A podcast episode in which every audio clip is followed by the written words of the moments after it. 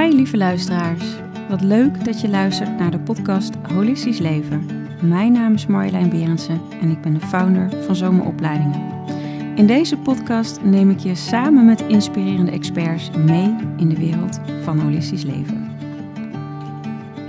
De realiteit is, is altijd heden. En als klein kind kan, is die realiteit te verpletterend. Dat kan je jezelf niet toelaten, want je bent nog te afhankelijk. Welkom bij weer een nieuwe podcast van Holistisch Leven. En ik zit vandaag met Hanna Kuppen, een dame die al heel lang bij mij op het verlanglijstje stond voor deze podcast. Uh, zij is auteur van de boeken Liefdesbang. Nou, die is al best wel een beetje oud. Tegenwoordig heeft hij een nieuwe kaft. Een liefdesroep en liefdeskunst. En verzorgt trainingen voor mensen die vastlopen op het gebied van liefde of zichzelf.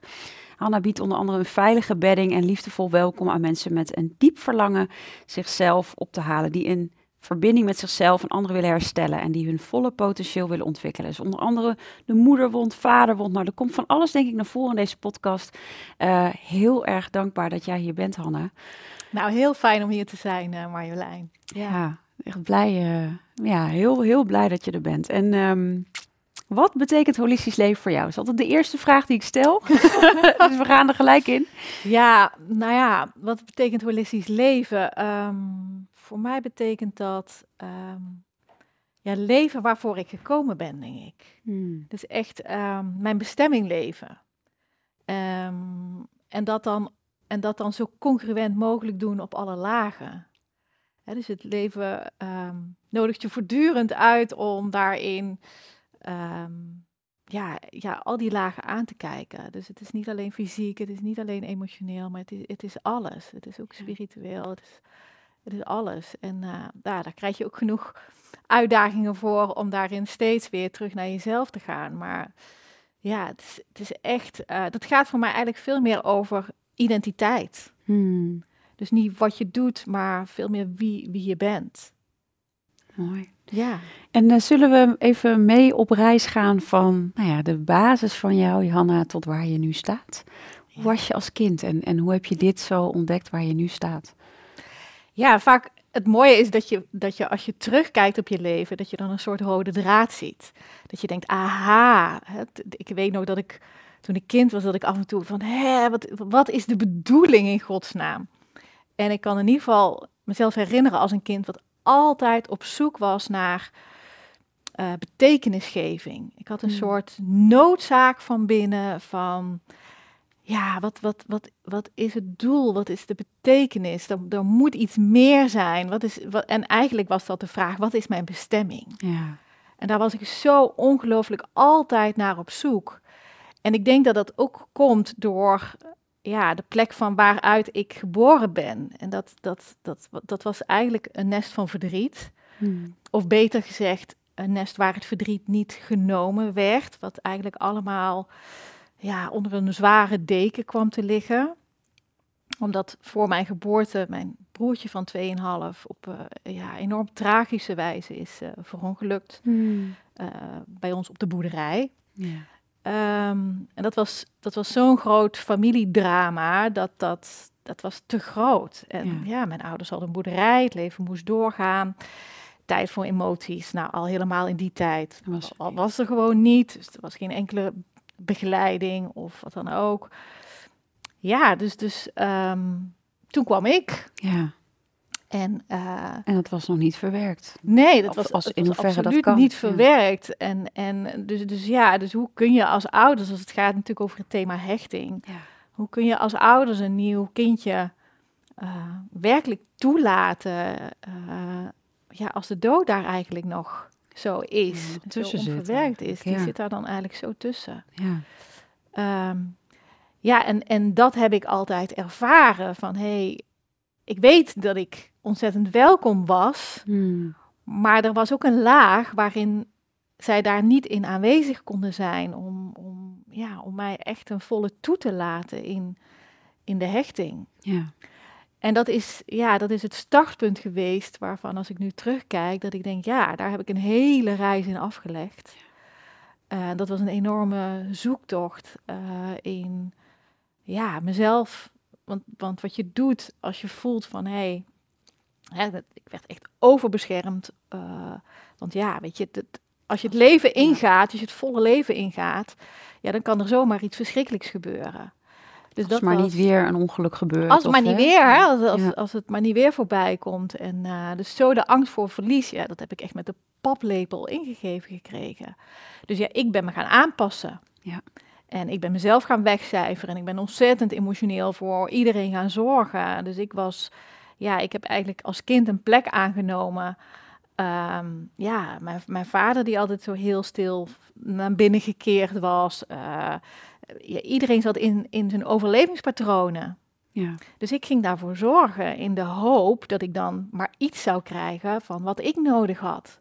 En dat was natuurlijk een totale illusie, maar als kind kun je niet anders. Dan dan. weet je niet, ben je, ja, je, je hebt die, dat verlangen. Ja, en je, Ja. je zoekt onbewust naar iets waarvan je hoopt van, hé hey, ja, dat al- als het hen goed gaat of beter gaat, dan kan het mij ook beter gaan. Mm. Ehm, nou ja, en datzelfde patroon, als ik terugkijk, dat zette ik voort in relaties. Ja, ja, ja. Ja, dus in eerste instantie, ik weet nog mijn, mijn, mijn allereerste vriendjes, ja, hoe gek ik ook op ze was, maar ik had eigenlijk iets meer nog met, met hun moeder als een soort surrogaatmoeder. Ja, Dus het was, het was eigenlijk, zocht ik een veilige bedding, ja. eh, waar, waar ik gezien werd om wie ik was. En niet om een heel overlevingsgebied in stand te houden. Maar dat, ja, dus ik was zo op zoek naar de beschikbaarheid. ja. En ja, later ook met, met relaties, dat, het, dat, dat ik patronen leerde kennen in mezelf. Waarvan ik dacht, ja, weet je, dit, dit leidt iedere keer weer tot een teleurstelling. Dus ik, op een gegeven moment ontdekte ik dat ik degene was die de liefde het meest saboteerde. ja. ja. En dat, nou ja, dat zie je, dat, dan trek je dus ook partners aan die in dezelfde patronen zitten, die liefde saboteren. En ehm, nou ja, en uiteindelijk ging ik die patronen zien. Ging, ja. ja, het was een ontzettend groot verlangen om, nou ja, om, om een partner te vinden die ook echt emotioneel beschikbaar was. En, eh, nou ja, en als je daar middenin zit, dan zie je al die eh, maskers waarin mensen niet emotioneel beschikbaar zijn, zie je niet. Nee, Ze dat valt of niet. te oud, of ze waren getrouwd, of ze woonden te ver weg, of als ze wel, wel single waren, dan moesten ze nog ontdekken of ze homo waren of niet. En weet je, ik heb alle versies heb ik wel gehad. ja. Maar ja, het was natuurlijk een enorme afspiegeling eh, van mezelf, Ja. die niet emotioneel beschikbaar was. Want ergens van binnen had ik het opgegeven. Ja, was jij ook niet emotioneel beschikbaar voor de ander, maar ook niet voor jezelf? Ook niet voor mezelf. Ja, want Nee, wanneer heb je dat ontdekt? Wanneer ben je hier echt die diepte mee ingegaan? Want eigenlijk is het ook wel weer mooi.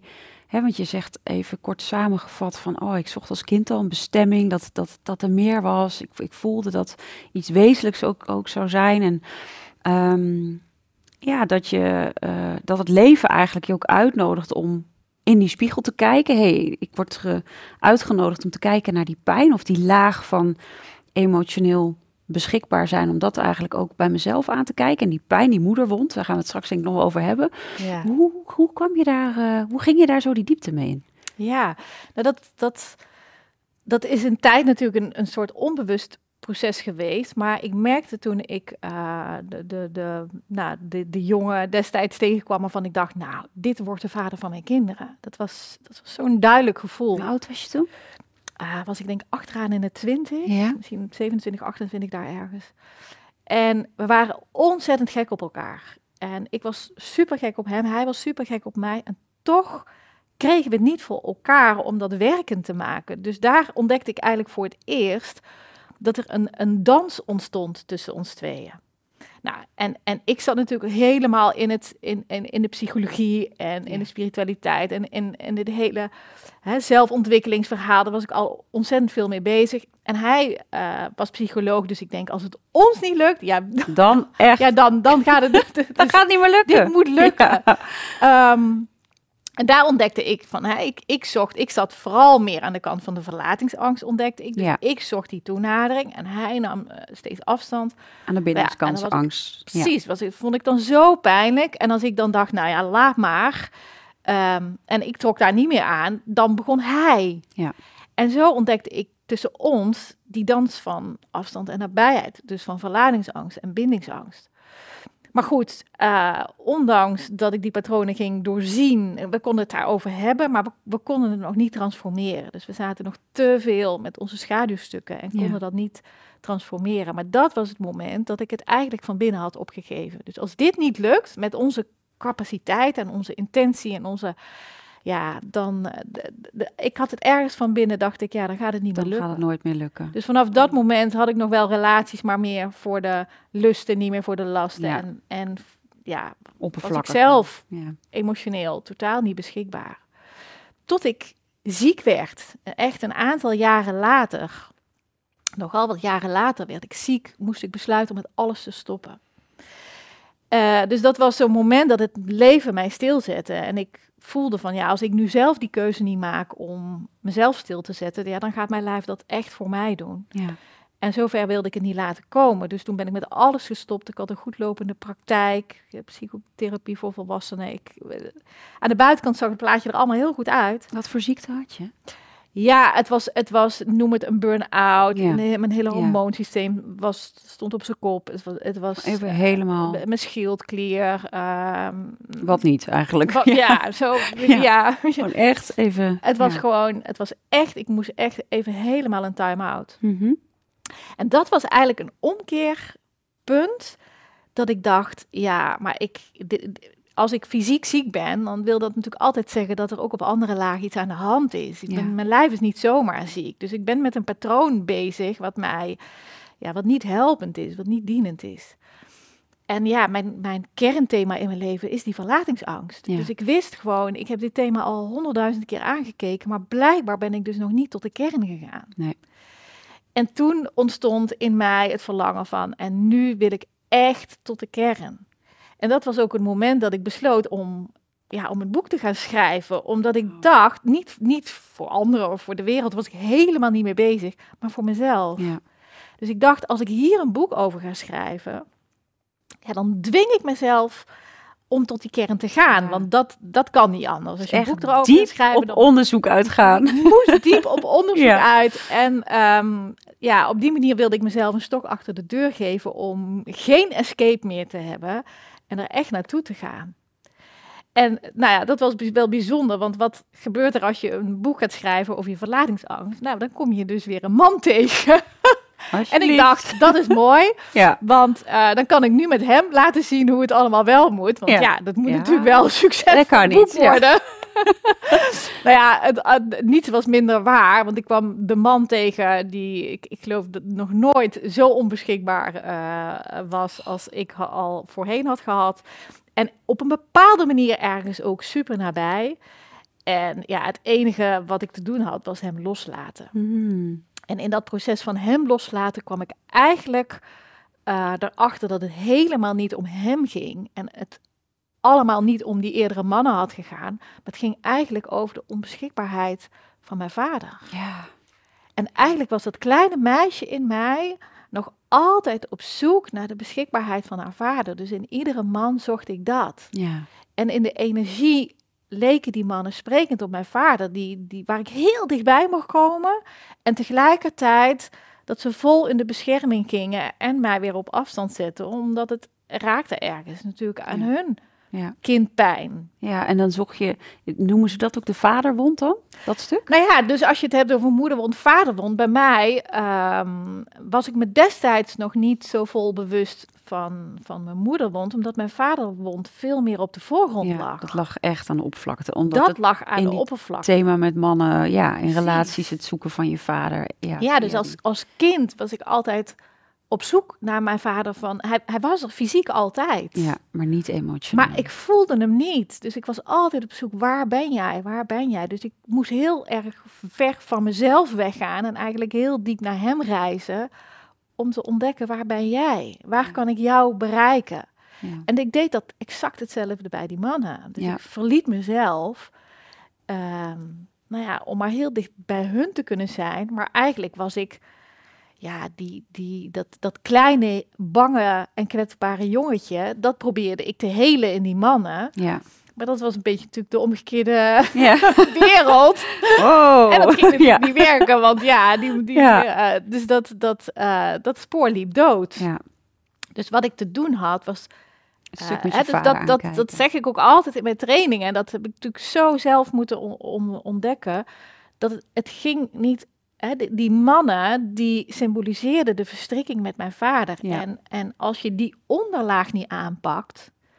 Dan blijf je het in het uiterlijke leven maar steeds met nieuwe partners Herhalen. herhalen. Want dat patroon neem je mee. Ja, Dus ik moest dat diepere patroon aankijken en uiteindelijk mezelf vrijmaken van de verstrikking met mijn vader. En ik was ergens ten diepste als kind bang, als ik niet emotioneel voor hem zorg, dan vertrekt hij ook. ja, dan is hij ook weg. Dan ja. gaat hij, dan, is hij, Ja. dan, dan, dan verlies ik hem ook. En hoe heb je die verstrikking aangekeken met je vader? Hoe, hoe heb je daar hulp voor gehad? Of ben je met jezelf echt naar binnen gegaan van oké, papa, je was er niet? Of hoe?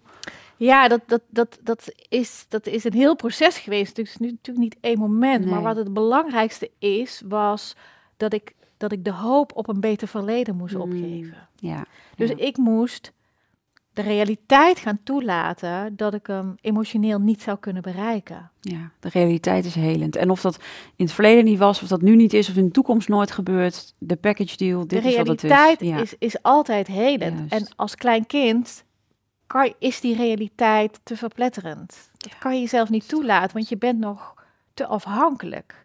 En toen kwam ik natuurlijk op een leeftijd dat ik ja, meer op eigen benen kwam te staan. Dus dan is dat ook een, ja, dan, dan wordt het ook veilig ja, om te om dragen. te dragen. Dat je kan zeggen, oké, ja, dus misschien ga ik hem wel nooit meer emotioneel bereiken. Hmm. En dat is, dat, ja, dat is pijnlijk. Oh, Als je dat zo zegt, ik, ik weet niet hoe de mensen thuis, maar voel eens even, even sta eens even stil bij wat Hanna zegt. Oeh, Wat als je, nou, of dat een vader of een moeder is, maar wat als je die, Ja, die ouder nooit kan bereiken? ja, Wat als dat nou nooit gebeurt? ja. Ja. Je kan het soms ook vergelijken, weet je, op het moment dat iemand overlijdt, dat een ouder over, dan, hè, weet je, dan kom je in een rouwproces, dan kan je het gaan verwerken, noem maar op. Maar op het moment dat iemand fysieker is, hè, maar dat hij emotioneel er gewoon niet is, dat is, dat is, eigenlijk dat is- lastiger Dat is in die zin. op een bepaalde manier is dat Op een lastig. bepaalde manier, hè? omdat je, omdat je de, de, het verlangen blijf je houden Ja. en je blijft Ja, mogelijk gezien, vanuit het patroon gezien, je best doen. ja, En je gaat dus bij jezelf weg ja, om in verbinding met de ander te treden, terwijl dat niet lukt. ja. Dus je verlaat ook nog eens jezelf. En dat is de valkuil van de valse hoop. Ja, ja. Hè, dus en de dus, eh, valse hoop van ja, maar als ik, als ik dit doe, als ik dat doe, weet je, ik Ja, alles dan, uit de kast, dan, hè, die als dan, ja, ja, die werkt niet. ja, dus dat stuk met je vader heb je aangekeken. Daar ben je helemaal doorheen gegaan. Nou, de, Ja, de- ja nou, is dat de uitkomst is van. deze ge- geweldige uitkomst van. Ja, En toen was je met je vader, nou ja, eh, klaar. Even als je in, in hoeverre nou, dat, dat, kan. voelt nu, dat voelt Ja, wel precies. zo. Dat voelt heel rond. Ja, dat, dat precies. heeft veel Ja, jaren van mijn leven beweging. gekost, maar dat voelt, dat voelt heel rond. Ik kan, ik, ik voel al, al veel jaren dat mijn vader hoeft niets meer te doen, hoeft Nee. niets te veranderen, hoeft niet anders te zijn. Die mag helemaal zijn zoals die is. Ik, ik, er is niets in mij wat nog denkt van, oh, dat, dat, dat, dat is, dat Ja. ik kan zo'n Ja, vrede en zo'n liefde Ja. naar hem voelen. ik voel het Eh, ook helemaal ja, als dat ik je is, zo staat mijn aankijk. hart heel erg voor open. En eh, ja, dat is, En dat toen- is rond. En toen kwam je moeder op de voorgrond. Want Ja. kwam dus daarna eigenlijk. Ja, dat kwam eigenlijk daarna. En dat, dat zie ik ook bij heel veel andere mensen terug. Van, eh, Ja. ja. maar dat, dat, eh, dat is misschien ook wel bij vrouwen. Dat, hè, dat, Ja. dat we de eerste neiging hebben om... Hè, dat, Ja. Vaak zijn we ook... ik ben een vaderskindje geweest. En eh, dan begint het vaak daar. Maar onderhuid was die moederwond er natuurlijk altijd. Want op het moment dat, dat, dat die moederwond er is... ehm, dat is natuurlijk nog meer waar je ja, waar we uit voortkomen. We komen letterlijk uit de, de baarmoeder. We komen Echt die letterlijk. basis. Ja. Dat is echt de basis van verbinding. En op het moment dat het daar niet, niet ehm, dat daar niet die veilige basis is, of echt die, die verbinding is, dan ga je dus als kind ook verder zoeken. Dus dan kom je natuurlijk automatisch Ja. in eerste instantie bij je vader terecht. Ja. Dus ja, later kwam, kwam, kwam de moederwond eh, veel meer naar voren. En eh, wat ik als kind natuurlijk in die surrogaatmoeders heb, heb, heb proberen te vinden, wat natuurlijk ook een Ja. illusie is. En, en waar ik daar wel heel dankbaar voor ben in die periode dat ik dat eh, ontvangen mocht. Maar wat natuurlijk niet een antwoord was op mijn moederwond. Dus een, een, hè, hoe liefdevolle moederfiguren je als kind ook had, ze kunnen natuurlijk niet dat wegnemen wat je niet hebt gekregen van je moeder. Want Hanna, even voor mij, voor de luisteraars, wat typeert de moederwond? Je hebt prachtige kenmerken ook uh, daarvoor. We, zullen we die eens doorlopen? Dan weten mensen even, oh, maar wat moet ik me die moedermond voorstellen? Vaderwond is wel heel helder, vind ik nu. Ja. En de moederwond, waar zitten de... Ja, nou, in de basis gaat je moeder, en, en als we het hebben over de moeder, dan hebben we het ook natuurlijk meer over de vrouwelijke energie, zeg maar. Die hebben we natuurlijk allemaal in ons. Uh, gaat over het vermogen tot verbinden. Ja. En als je kijkt dat we vanuit de baarmoeder, het allereerste wat belangrijk is voor ons overleven, is dat we die gezonde symbiose uh, ontwikkelen met onze moeder dus in de gezonde symbiose is dat we juist in die versmelting, in die gezonde versmelting, uh, in die veilige bedding gaan voelen van hé, hey, er is een welkom, er is een veiligheid, uh, er wordt voor mij gezorgd, ik word gekoesterd, ik word geliefd. En op het moment dat we dat in die veilige bedding mogen ervaren, kunnen we het van onszelf maken. Ja. En dan wordt het een basis die we in onszelf meenemen voor de rest van ons leven. En dan, dus dat is de eerste taak van de moeder, om die veilige versmelting hè, met je kindje aan te gaan. Om die veilige basis te geven. Maar dan komt er een, een volgende taak als moeder, en die komt natuurlijk ook al heel snel, is dat je je kind ook de eigen autonomie gunt. En dat betekent natuurlijk al, hè, weet je, de, de geboorte is natuurlijk al een eerste, dan ben je gescheiden van elkaar, hè, die fysieke scheiding. Maar ook als het kind van de borst gaat, als het kind de eerste stapjes gaat lopen. Eh, en, en een kind heeft natuurlijk een natuurlijke drang tot zelf ontdekken, tot, tot ikzelf, tot autonomie. En als je voorstelt dat het kindje de wereld in wil, die wil alles om zich heen gaan verkennen en gaan ontdekken. En op een gegeven moment zal het omkijken naar, naar mama, naar moeder. En dan maakt het heel veel uit wat voor ogen zo'n kind aantreft. Ja. Hé, hey, krijg ik liefdevolle ogen te zien die zeggen, toe maar, ga maar. Ja. Of krijg ik ogen van angst te zien, of van uh, controle, of van ja, Zoals jij die bescherming hebt uh, ervaren. Ja. Als er jou maar niks gebeurt. Dus dan Oh, dan ga kan je eigenlijk niet, even vertaald, voluit leven. Voluit in het leven, ja tegen het leven zeggen. Precies, dan komt, daar ga je al als kind op de rem staan. Als je voelt van, hé, hey, er is niet een, een volle stimulans. Dan moet je als kind al een split in jezelf maken. Ja. En dat is natuurlijk hetzelfde als dat die veilige symbiose er niet is. Ja. dus dan begint daar het overleven al.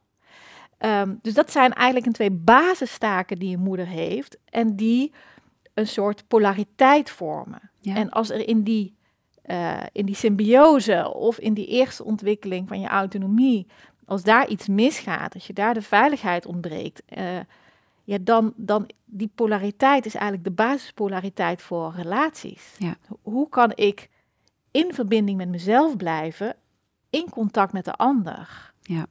En als ik dat, ja, als ik dat vermogen ontwikkel, kan ik met iedereen relateren. Zonder mezelf in de steek te laten, zonder mezelf te verlaten. Ja, en dus ook die veiligheid te blijven voelen. Waar je ook bent, waar je ook gaat. Ja. En te verbinden met jezelf, met, met alles wat er is. Ja. En als je het dan hebt over de moederwond. Um, er zijn natuurlijk heel veel situaties in het leven die, die dat triggeren. Maar bijvoorbeeld een kind krijgen is er wel zeker eentje van. Want op het moment dat je een, een, kind krijgt, wordt alles in jou wakker geroepen. Wat er ook niet was bij jouw eigen moeder. Of bij je eigen hechtingsfiguren. Of, uh, dus, dus ja, trauma wordt natuurlijk van generatie op generatie doorgegeven. En alles wat niet is aangekeken en wat niet verwerkt is, ja, komt in een volgende generatie terug, of we dat nou willen of niet. Ja. Ja. En, en ja, in die hele basispolariteit van symbiose en autonomie, ja, daar, daar, daar zit eigenlijk alles al in. Dus, daar, ja, dus het is bijna een wonder als het goed gaat, ja, zeg maar. Het ja. is dus, hè, weet je, ja... Ehm, en we komen natuurlijk uit een, een uh, samenleving waarin de, de, mannelijke energie heel dominant is geweest. Dus, dus ja, vrouwen hebben niet altijd de kans gekregen om zich ook te ontwikkelen, om volle uh, potentieel te, te leven. En, en, dus ja, er komt heel veel oude pijn omhoog, waardoor je niet in staat bent om die volle emotionele beschikbaarheid aan je kind te, geven. Ja. En dat heeft niets met schuld te maken. Nee, dat, vind ik ook heel mooi. Dat, dat is wat, uh, ja, wat ik ook heel belangrijk vind om te noemen. Want het gaat ver voorbij de schuld. Het is, um, het is wat we aantreffen in ons leven. Ook al heeft niemand het zo gewild. Nee. Nee, maar dit is wat je, wat je, waar je mee te dealen hebt. En um, even een heel klein zijsportje, maar uh, geloof jij ook in, in, in vorige levens en in karma? Hoe, hoe zie jij dat? Hoe verhoudt dat zich je toe? Misschien heb, is dat nog nooit aangeraakt, maar hoe, hoe zie je dat? Oh ja, ik, ik geloof absoluut dat we niet met een onbeschreven blad komen. Nee. Nee, dus ik denk dat, dat we al, dat we absoluut, dat ons, ja, ons bewustzijn, uh, ja, uh, altijd voortgaat. En dat we, dat het leven eigenlijk er ook voor bedoeld is dat we steeds voortstuwen naar een, en naar een hogere trilling, als het ware, naar een hogere vorm van bewustzijn. En dat, dat eigenlijk alles wat we in onze levens, hè, dat zie ik wel echt als levens en niet alleen dit leven, ja, dat alles ertoe bijdraagt. Um, ja. ja, en dat, weet je, als je dat zo zegt, dan voelt het ook, hè, voor alle mensen die nu luisteren ook, goh, misschien heb je nog een vaderwond, een moederwond, stukken aan te kijken daarin. Goh, maar misschien heb ik dit ook uitgekozen in dit leven om weer nou, stukken aan te kijken om die bewustzijnstransformatie door te gaan naar die ja. hogere trilling. Ja. En je bestemming te vinden. Want dat is wat jij ook zo mooi zei als kind, dat je ziet van wat is mijn bestemming? Want wat is jouw bestemming, Hanna? Ja, nou ja, mijn bestemming is, is um, uh, bijdragen aan de transformatie van angst naar liefde. Ja, dat, ja, dat doe je echt. En daarvoor, als je zegt van ja, daarvoor had ik dit gezin uitgekozen, denk ik. Want dit, wa dit waren voor mij de perfecte omstandigheden waarin ik dit kon ontwikkelen. Dan zou liefdesband nooit geweest zijn. En had je nooit zoveel duizenden, weet ik veel, tienduizenden mensen kunnen helpen. Nee, nee, nee. En dat zou ik echt als kind niet gezegd hebben. Want dan zit je er middenin en dan zie je echt dat je denkt, jeetje, komt het nog ooit goed? ja. Maar, maar als je zo terugkijkt, dan denk ik, ja, weet je, ik, ik, heb, ik heb de perfecte omstandigheden daarvoor uitgekozen. Was het makkelijk? Nee. Nee, absoluut niet. Zeker niet. Maar anders was het boek er niet gekomen. Maar ik had wel een missie. Ja. Ja, dat, dat, dat, zo klein als je was al. Ja, en in die zin voelde ik ook altijd van, hé, hey, ik kon me ook niet zo ook al had ik hele fijne vriendinnen en, mensen om me heen, maar ik had er altijd wel een, een ander verlangen dan, nou ja, weet je, de, ja, gemiddeld, ja. gewone ja, dingen van het leven waar kinderen dan mee bezig zijn. Bij mij zat er een enorme drang altijd van binnen naar van ja. Maar zo herkenbaar ook, zo herkenbaar sowieso je verhaal, maar ook ja, weet je, ik zei net al voordat we starten met de podcast dat ik tien jaar geleden jouw eerste boek al uh, heb gekocht en dat ik er zoveel aan heb gehad. Daarna natuurlijk ook op de boekenlijst is gekomen voor holistisch therapeut en dat ik denk, oh, ik ben zo dankbaar dat je dat jij het weer hebt aangekeken, ons inspireert. Ik noem maar even ons of uh, iedereen die hierin geïnteresseerd is om dit aan te kijken, om hiermee door te gaan en hoeveel generaties die daarna ook weer komen geheeld worden. Want hoe meer jij als moeder aankijkt, hoe minder je ook weer doorgeeft op dat stuk op je kinderen. Even los van externe omstandigheden. Want hè, ik bedoel, als je kind te vroeg wordt geboren in een couveuse moet, ja, is dat ook een Zeker. moment waar je niet, uh, waar je denkt, oh, dit had nee, anders nee, gekund. Maar ja, ook dat is het pad van het kind dan weer. En ook dat is het lot wat je hebt, hebt, aan te kijken van, oh, dit is het lot van mijn kind. Maar daar wel zijn. Ja. Ik krijg wel eens vragen van mensen die zeggen van, weet je, het is een super confronterend thema om in jezelf aan te kijken. Je verlatingsangst, je bindingsangst. Ja, super confronterend. Maar het is misschien nog confronterender als je als ouder merkt, ik heb het doorgegeven aan mijn kind. Ja, ja.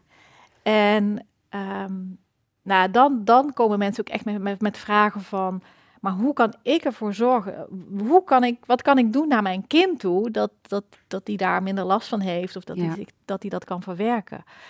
En dan zeg ik eigenlijk altijd, het enige wat het allermeest dienend is, is ga naar jezelf. ga, naar je, ga, ga dit thema in jezelf aankijken. Wat, wat is van jou daarin?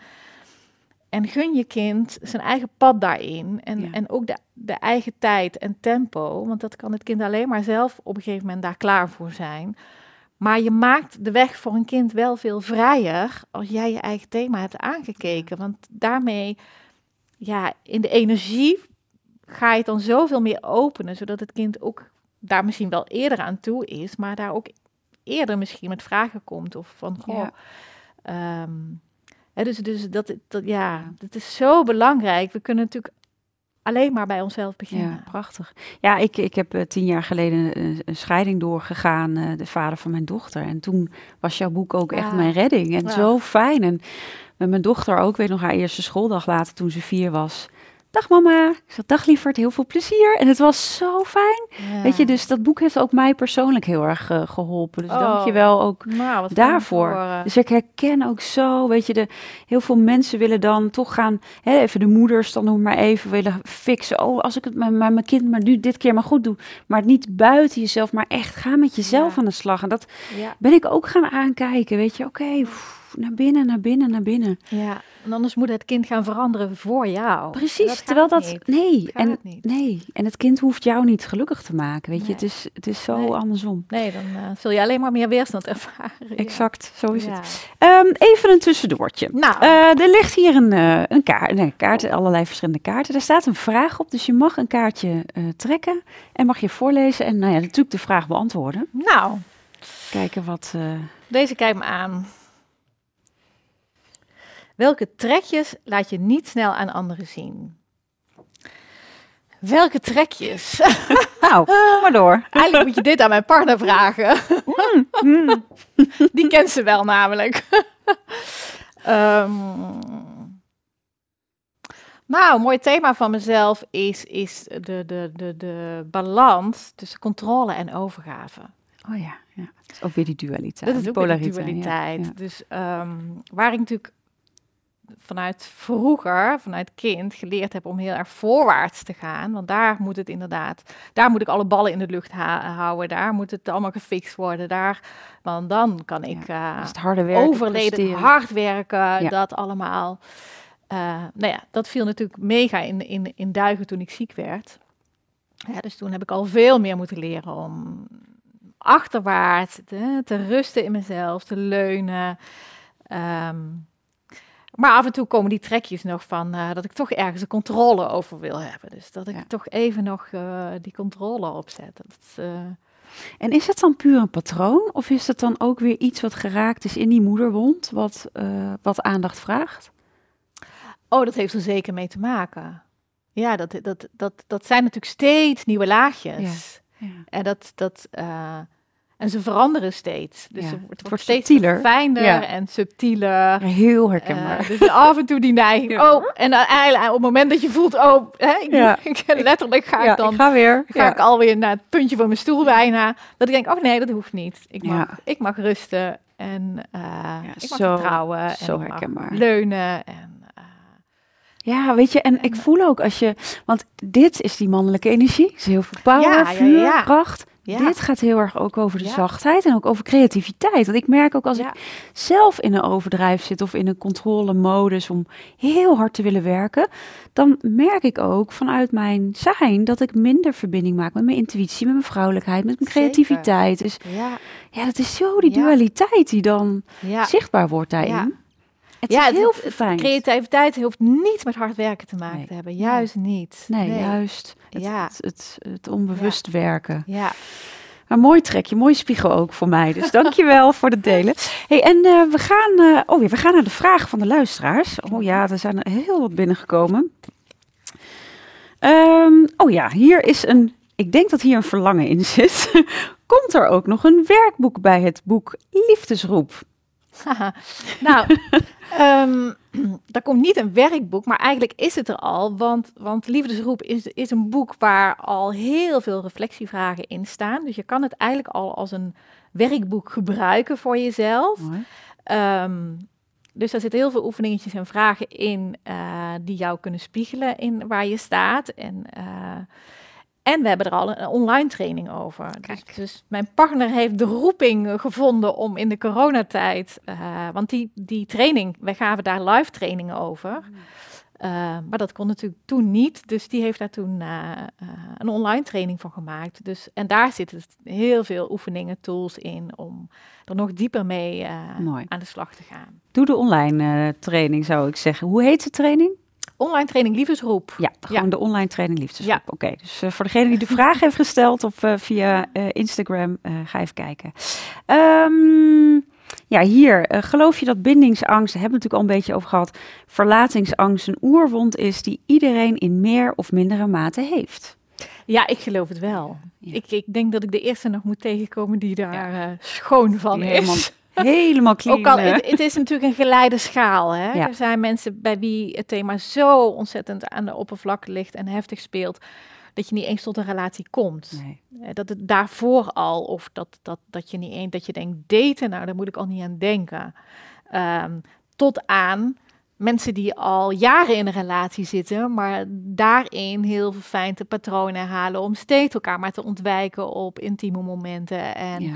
het niet echt met elkaar vol Aangaan. maar nou ja, hè, dus, dus, dus in die hele range, daar, daar ja, Ja, ik daar denk dat van bijna alles, iedereen daar zich wel ergens in kan herkennen. Want daar zie je toch ook nu, ineens even, sorry hoor, even een klein eh, uitstapje. Je ziet nu ineens second love, weet ik veel wat, Ja, allerlei, wordt er bijna gestimuleerd om vreemd te gaan. Welke pijn zit daaronder? Is dat ook die, die bindingsangst? Want het vreemd gaan, weet je, als je dat zo dan je stimuleert, nou, zou het er niet aan moeten. Ik, ben- ik ben zelf veel, ja, liever monogaam, hoor, zullen maar zo zeggen. Is ook ja, keuze, hè? ja, nou ja, de, de- maar- de- kijk, de interessante vraag is altijd om te stellen vanuit welke plek in jezelf doe je dat? ja, ja, Kijk, doe je dat vanuit een, een, een radicale eerlijkheid naar, naar, naar de ander, naar, naar, mensen met wie jij eh, je intiem verbindt. En kan je daar open, kon je, kan je daar totaal congruent in zijn? Kun je iedere consequentie nemen? Ja, Kun je alle gevoelens daarin verteren, aankijken, noem maar op? Dan denk ik dat je daar wel een fulltime baan ja daar je druk mee, dat die weer onderhouden, dat weer, Maar- dat feestje. Maar dan is het, dan doe je het vanuit Ja. een, een, een Vanuit een zuivere van- plek. vanuit ja. een zuivere, eh, eh, gezonde plek, Ja. omdat je alles neemt en aangaat. Ja. Maar ik denk dat 99 van de 100 Nee. dat niet vanuit die plek doen. Nee. En dat het ergens ehm, ja, een, een, eh, het maskeert waar het werkelijk over ja. gaat. de zoek naar vader of de zoek naar moeder in. Ja. Ja. Ja, Ja. Dat, je, dat je het niet vol aangaat met wat Ja. er wel is, maar dat het ook ergens een vorm van escape kan zijn. En Ja. dan doe je het vanuit een overlevingsstuk in jezelf. En dat, kan alleen ieder maar voor zichzelf uitmaken. En weet je, en ook dat, hè, weet je, ook dat is niet goed of fout, want het zal de mensen aantrekken die, daar hun eigen proces in te ondervinden Ja. hebben. Ja. Eh, het is deel van nou En ja, misschien eh, dient het wel weer om daarna weer verder wakker te worden. ontwikkeling. om, dus, het eh, het, hè, dus het is niet goed, geen of fout, fout, nee. maar het is, ehm, ja, het is, ik denk dat dat interessant is om te kijken. Nee, Van, maar omdat het zo dat? tegenwoordig, je ziet het. Veel bushokjes. Ja, Ehm, even kijken, dan heb ik hier nog een vraag. Oh ja, je organiseert ook reizen naar Peru. Hoe ben je daar terechtgekomen? nou, Ja, kijk, eh, hebben we nog even. hebben we nog even. Ehm, nou ja, dat heeft dus te maken met, met eh, het, het leven van je potentieel en van je volle bestemming. En ik, ik eh, was op zoek zelf een keer naar een reis waarvan ik denk, nou, ik wil niet ergens zomaar op een strand gaan liggen, maar ik wil echt iets heel zinvols en betekenisvols gaan doen. En toen ben ik bij het project van Helena van Engelen terechtgekomen in Peru. Nou, daar werd ik zo ongelooflijk diep geraakt door een vrouw die echt op haar 52ste eh, huis en haard heeft verlaten en voor de verlaten kinderen van Peru echt een, een thuis eh, heeft geboden. En dat was zo ongelooflijk voelbaar. En in hoe zij het daar aan het vertellen was, ik werd zo, ik was echt tot tranen toe geraakt. En ik dacht, dit kan je alleen maar doen als je, ja, vanuit liefde. Ja. En vanuit niets anders. En toen ik daar was, wat mij ongelooflijk fascineerde, en dat vind ik zo'n ongelooflijk mooi principe, is dat zij daar het zaadje geplant had en dat zij hulp kreeg van, nou, van, van heel veel plekken van over de hele wereld. Het Philharmonisch Orkest van Amerika schonk instrumenten, maar ze stuurde er ook nog een, een docent bij om de kinderen de instrumenten te leren bespelen. Nou, en zo waren er zoveel voorbeelden dat mensen zichzelf gingen organiseren. Helemaal, dat werd, werd niet gevraagd, of, eh, maar mensen gingen zichzelf organiseren om iets te willen bijdragen aan dat project. En dat voelde ik ook. Dus de, ik was zo graag dat ik de eerste drie dagen dacht: ik loop met mijn ziel onder mijn arm. En het enige wat ik kan bedenken is: wat kan ik bijdragen? Ja. Wat kan ik doen? Nou ja, ik wist het echt niet. Maar ja, dat was natuurlijk, ik was veel te moeilijk aan het denken. Dus na drie dagen eh, viel mij de gedachte te binnen. En ik schrok eigenlijk van de eenvoud. Dat ik denk, maar ik kan er wel iets over schrijven. Ja. Ik dacht, nou ja, het is met Liefdesbank gelukt. Ik Ja. kan het er nog een keer op wagen. En dat was het zaadje waardoor ik uiteindelijk Liefdesroep ben gaan schrijven. En toen dacht ik, ja, waar moet het dan over gaan? Het, ik, ik wil dat, het, dat, het, dat ik het weer een graadje optil. Dat het niet alleen over dit project Nee. of over deze kinderen of over Helena gaat. Maar over het, de grotere principes die daarachter zitten. Ja. En ehm, nou, toen wist ik ook meteen, als dit boek er komt, dan moeten de royalties naar dit project gaan. Want Ja. dat zou dan weer, het, hè, dat maakt het voor mij rond. rond, van, hé, hey, dat, dan komt het daar weer terug. Maar ik wilde dat, dat iedereen ging leren doorzien van, hé, hey, hoe kan ik van, van een rups een vlinder worden? Hmm. Hoe kan ik, want, want Helena had haar angsten moeten overwinnen om naar de andere kant van de wereld te gaan en vanuit het niets dat daar te ontwikkelen. Maar door het horen van haar verhaal, dat was een enorme spiegel voor de hele reis die ik had doorgemaakt met het schrijven van mijn boek Liefdesbang. Want ik moest, ja, weet je, een therapeut die, die naar de wereld gaat zeggen, nou, hier ben ik met mijn verlatingsangst, Ja. moest ik best wel wat angst en wat schaamte en noem maar op overwinnen. Ja.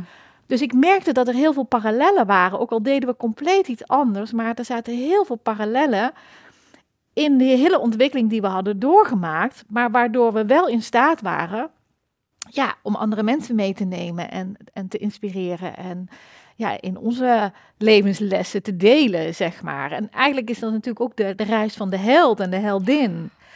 En die principes, die wilde ik, nou ja, ik wilde dat iedereen die leerde kennen. En dat zijn natuurlijk ook de principes van de natuur. Ja. En als we die principes leren toepassen in ons leven, ja, dan gaat het leven voor ons werken. En ja, en als we in die lagere trilling blijven, dan, ja, dan lopen we steeds tegen blokkades aan en be- tegen belemmeringen aan. Ehm, dus ja, dus dat, dat, die transformatie eigenlijk, dus als je het hebt over waar liefdesbang gaat, over verlatingsangst en bindingsangst, gaat liefdesroep over de levensangst en de doodsangst. Ja. En die zit ook altijd onder liefdesbang. ja, altijd. Ja, Dat, is, dat laag. zijn Ja, onze basisangsten. Daar kunnen we alles op afpellen. Ja, En dan komen we daar terecht. Dus ja, dat, dat, ja, en als je die principes gaat toepassen, dan gaat je hele leven veranderen. alles stroomt. Ja. Dus toen hebben we onze training, eh, hebben Mark en ik onze training liefdesgroep, eh, die we eerst hier gaven. Toen hadden we van, hoe fantastisch is het om mensen mee te nemen naar het project, waar je in een omgeving bent, waar je de liefdesroep, die, die ademt Ja, daar. Dat, ja, dat, ja. Als je die kinderen ziet en wat Helena daar tot stand heeft gebracht, ja, dat is, dat is Geweldig. Echt ongelooflijk. Ongelooflijk inspirerende vrouw. Nou ja, dat, ik zag ook gewoon bij onze deelnemers dat we en de diepte ingingen naar binnen. En we gingen natuurlijk naar super inspirerende plekken. Eigenlijk allemaal liefdesroepplekken toe. Want die, ja, die heb je daar Ja, echt hele mooie. Ademt daar. ja. Nou ja, dat, dat, Ja. dat was natuurlijk. eh, ja, dat was Geweldig. een hele mooie synergie. Was dat. Komt er nog een aan of niet? Gaat er nog, gaat er nog een reis komen? Vast wel, maar er heeft natuurlijk nu die coronatijd tussen Ja. gezeten. Dus Ja. als we voelen, en Peru is best, best nu een onrustig, Ja. onrustig land. Ik. Maar zodra we voelen dat het weer kan, gaan we dat zeker doen. Ja. Hou het in de gaten, mensen. Eh, wij eh, mogen ons verheugen op een oefening. Of Nou. een meditatie. Klopt toch? Ja? Zeker. Vertel, wat gaan we doen? Dus mensen thuis, ga al lekker zitten. Ga of lekker je klaarmaken. Ja. Zet de auto aan de kant. nou, ik wil jullie even meenemen in een meditatie. Eh, iedereen dus, die, eh, die er is, eh, mits je natuurlijk op een veilige plek zit, waar je naar binnen kan gaan. En dat gaat ook over het principe van insluiten. En dat is eigenlijk een van de hele helende principes, dat Ja. we al onze diepste menselijkheid leren insluiten. Want Mm. alles wat er niet mag zijn, dat bepaalt de dynamiek. Ja. Hè, dus mensen hebben de grootste illusie van liefdesbang, dus mijn angst mag er niet zijn. Maar ja, dan neemt hij het eigenlijk van ons over. Ja. Dus wat we te doen hebben is juist de angst en al onze diepste menselijkheid, dat die er mag zijn, dat we die in ons hart kunnen sluiten. Want als, ja, als dat de connectie met ons hart krijgt, dan komen we zelf weer terug aan het stuur. Ja, en dan houden we zelf de regie. En Mooi. ja, dan mogen we gewoon vol mens zijn. Ja, in heelheid hoor ik je eigenlijk zeggen. Precies, is Dan ook kom je bij de heelheid. En, dan, en dan heel je de oorspronkelijke afsplitsing die je vanuit je overleven moest maken, Ja, die breng je dan weer terug tot heelheid. nou, Dus daar wil ik jullie gewoon even een klein stukje in meenemen. Dus nou, fijn als je even zorgt dat je lekker zit. Nou, en als het oké, veilig voor je voelt, kun je je ogen dicht laten vallen. En adem eerst maar even zo een paar keer wat dieper in en met de zucht uit. Zodat je in die uitademing alles kan loslaten wat je nu even niet nodig hebt. En dat je ook bij die uitademing wat dieper in je lijf kan landen.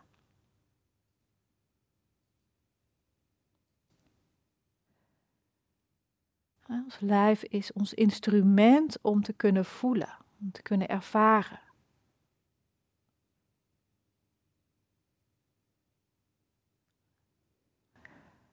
Dus de mate waarin je aanwezig bent in je lijf bepaalt ook wat je kan voelen.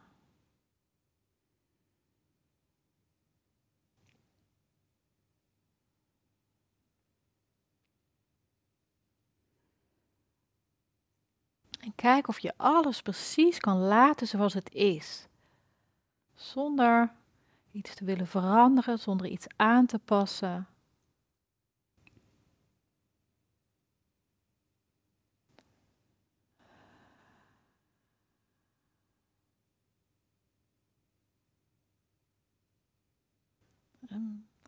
Je kunt zo even voelen waar kan ik makkelijk contact maken in mezelf? Waar heb ik makkelijk toegang toe? Welke plekken in mijn lijf? Wat voelt er warm? Wat voelt er verbonden? Waar voelt het stromend? Waar kan ik zijn met mijn adem?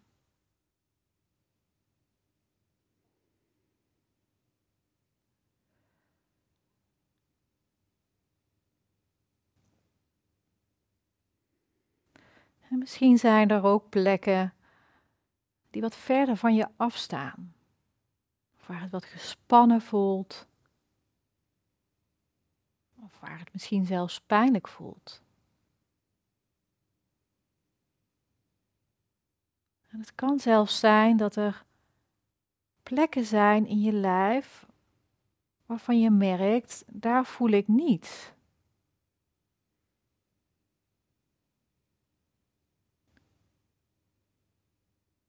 Kijk of je dat ook vol kan laten zijn, zonder oordeel. Misschien was het niet voelen voor jou ooit het meest intelligente wat je lijf kon doen om te overleven.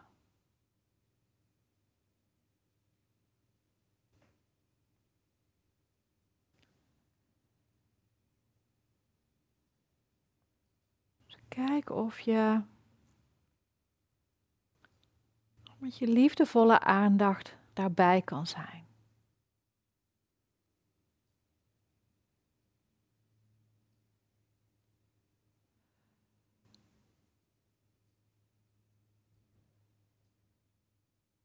En dan wil ik je vragen om ook even met je aandacht naar je voeten te gaan. Even te voelen hoe je voeten contact maken met de grond met de aarde. Hoe je tenen contact maken, je hakken.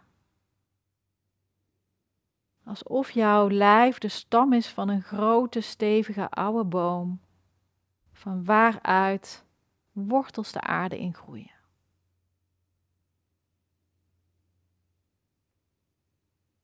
En stel het je maar voor op je eigen creatieve manier. De een ziet dat voor zich, de ander weet het. De ander voelt het. Alles is oké. Je voorstellen is al voldoende.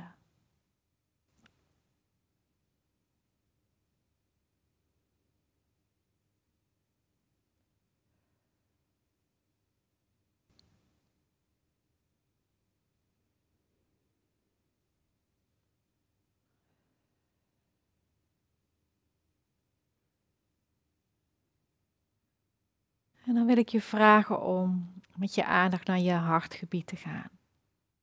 Als het fijn is, kun je een hand op de plek van je hart leggen. Als dat je helpt om daar contact mee te maken.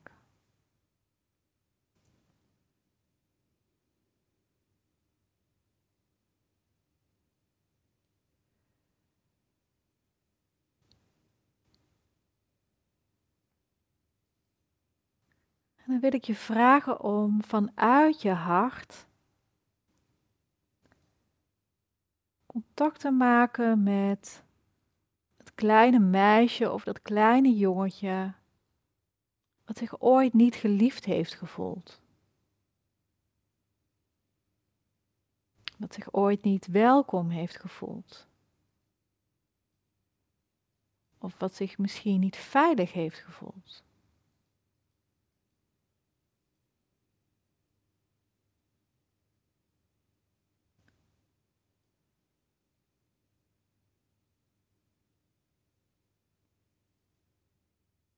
Dan neem je rustig de tijd om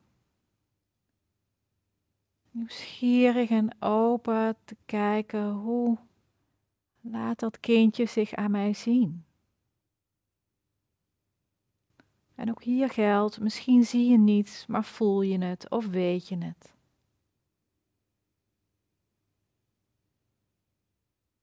Volg je eigen manier daarin.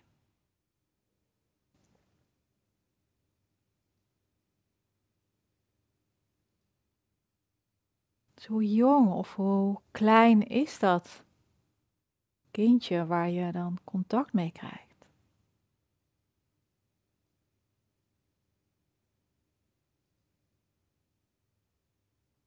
Hoe laat het zich aan je zien? Wat is een houding? Ligt het, zit het of staat het?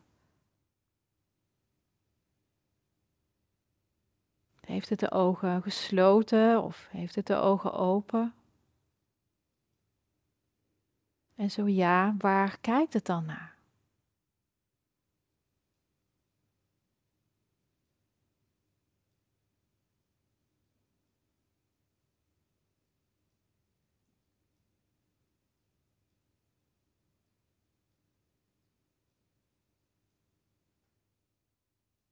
Kijk dan eens of je kan zien wat, hoe het zich voelt. Welke emotie of welke sfeer dit meisje of dit jongetje zich bevindt. Is het een springlevend, energiekind? Of zit het ergens stil en alleen in een hoekje? Is het verdrietig? Of bang? Of misschien is het razend, boosheid, woede.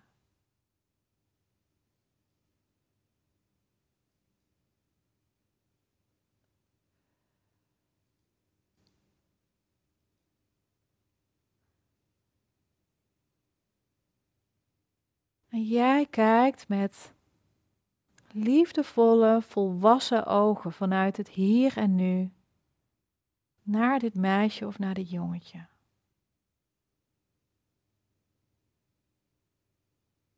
En jij bent vanuit je hart beschikbaar voor dit meisje of dit jongetje.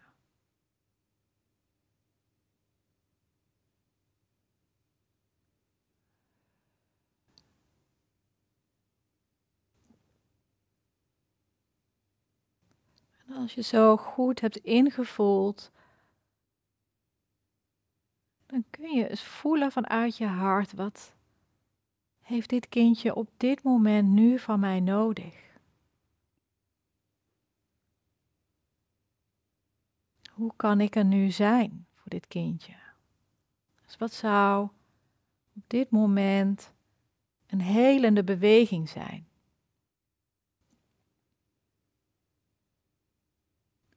Een helende beweging gaat nooit over iets wegnemen of over iets oplossen of over iets willen fixen.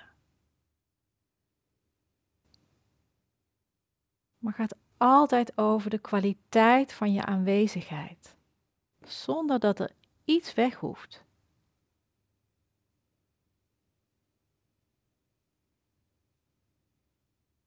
Dus hoe kan jij met je volle hart aanwezig zijn. Zodat het kindje alles mag voelen. En het zich bij jou welkom weet met alles wat er is.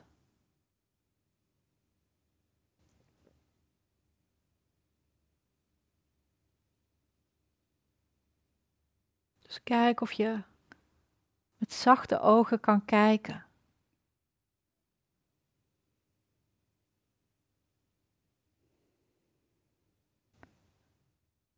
Je met welkome ogen kan kijken. Misschien wil je ernaast gaan zitten. Misschien wil je een hand uitsteken. En belangrijk is dat je goed afstemt op het tempo van wat dit kindje aangeeft. Soms willen we als volwassenen te snel. Heeft het kindje wat tijd nodig om vertrouwen op te bouwen? Want als we zelf ooit verlaten zijn, hebben we altijd ook onszelf verlaten. Dit meisje of dit jongetje.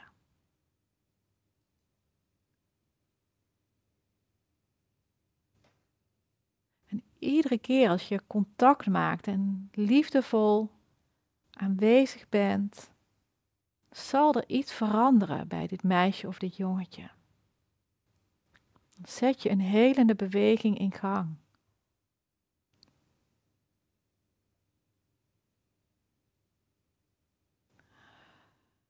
dit kindje zal niets liever willen dan jouw liefde beantwoorden. Maar soms heeft dat wat tijd nodig om het vertrouwen weer terug te krijgen.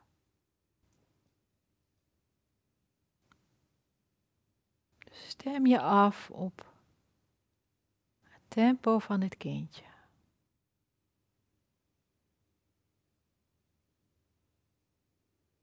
Dus probeer niets te doen, maar liefdevol aanwezig te zijn.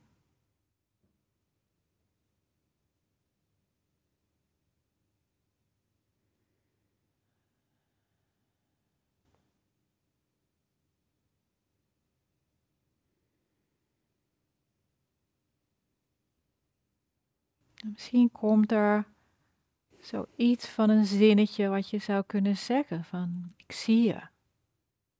Of ik hoor je. Of ik ben hier.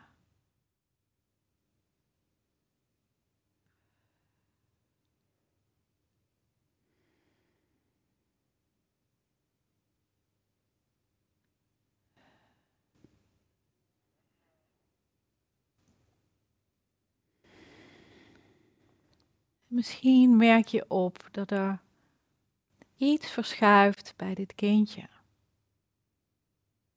En dat kan in hele kleine dingen zitten. Verwacht geen grote dingen, maar dat kan zijn dat ineens de ogen geopend zijn of dat er een andere uitdrukking is op het gezicht of dat er iets van lading weg is. Dat er een andere houding ontstaat.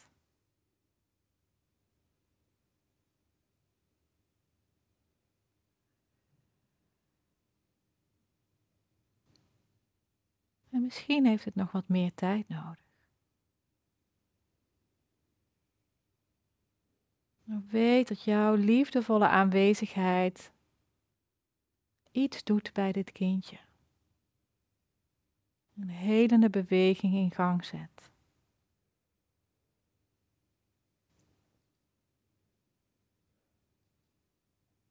Voel maar hoe het is om hier zelf verantwoordelijkheid voor te dragen. Niemand anders weet beter wat dit kindje nodig heeft dan jijzelf. En niemand anders kan het beter aan dit kindje geven dan jijzelf.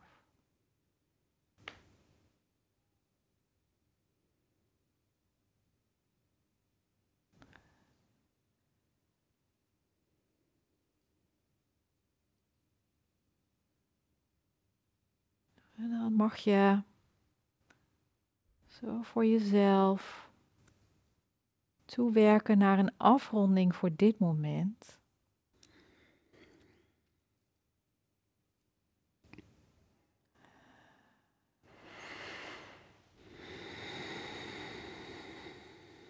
En misschien doe dat op een manier die bij jullie past. En jullie contact wat er op dit moment is. En misschien wil het wel ergens een, blijven in een plekje in je lijf, in je hart. Misschien heb je samen een mooi plekje in de natuur waarin je elkaar nog heel vaak kunt gaan ontmoeten.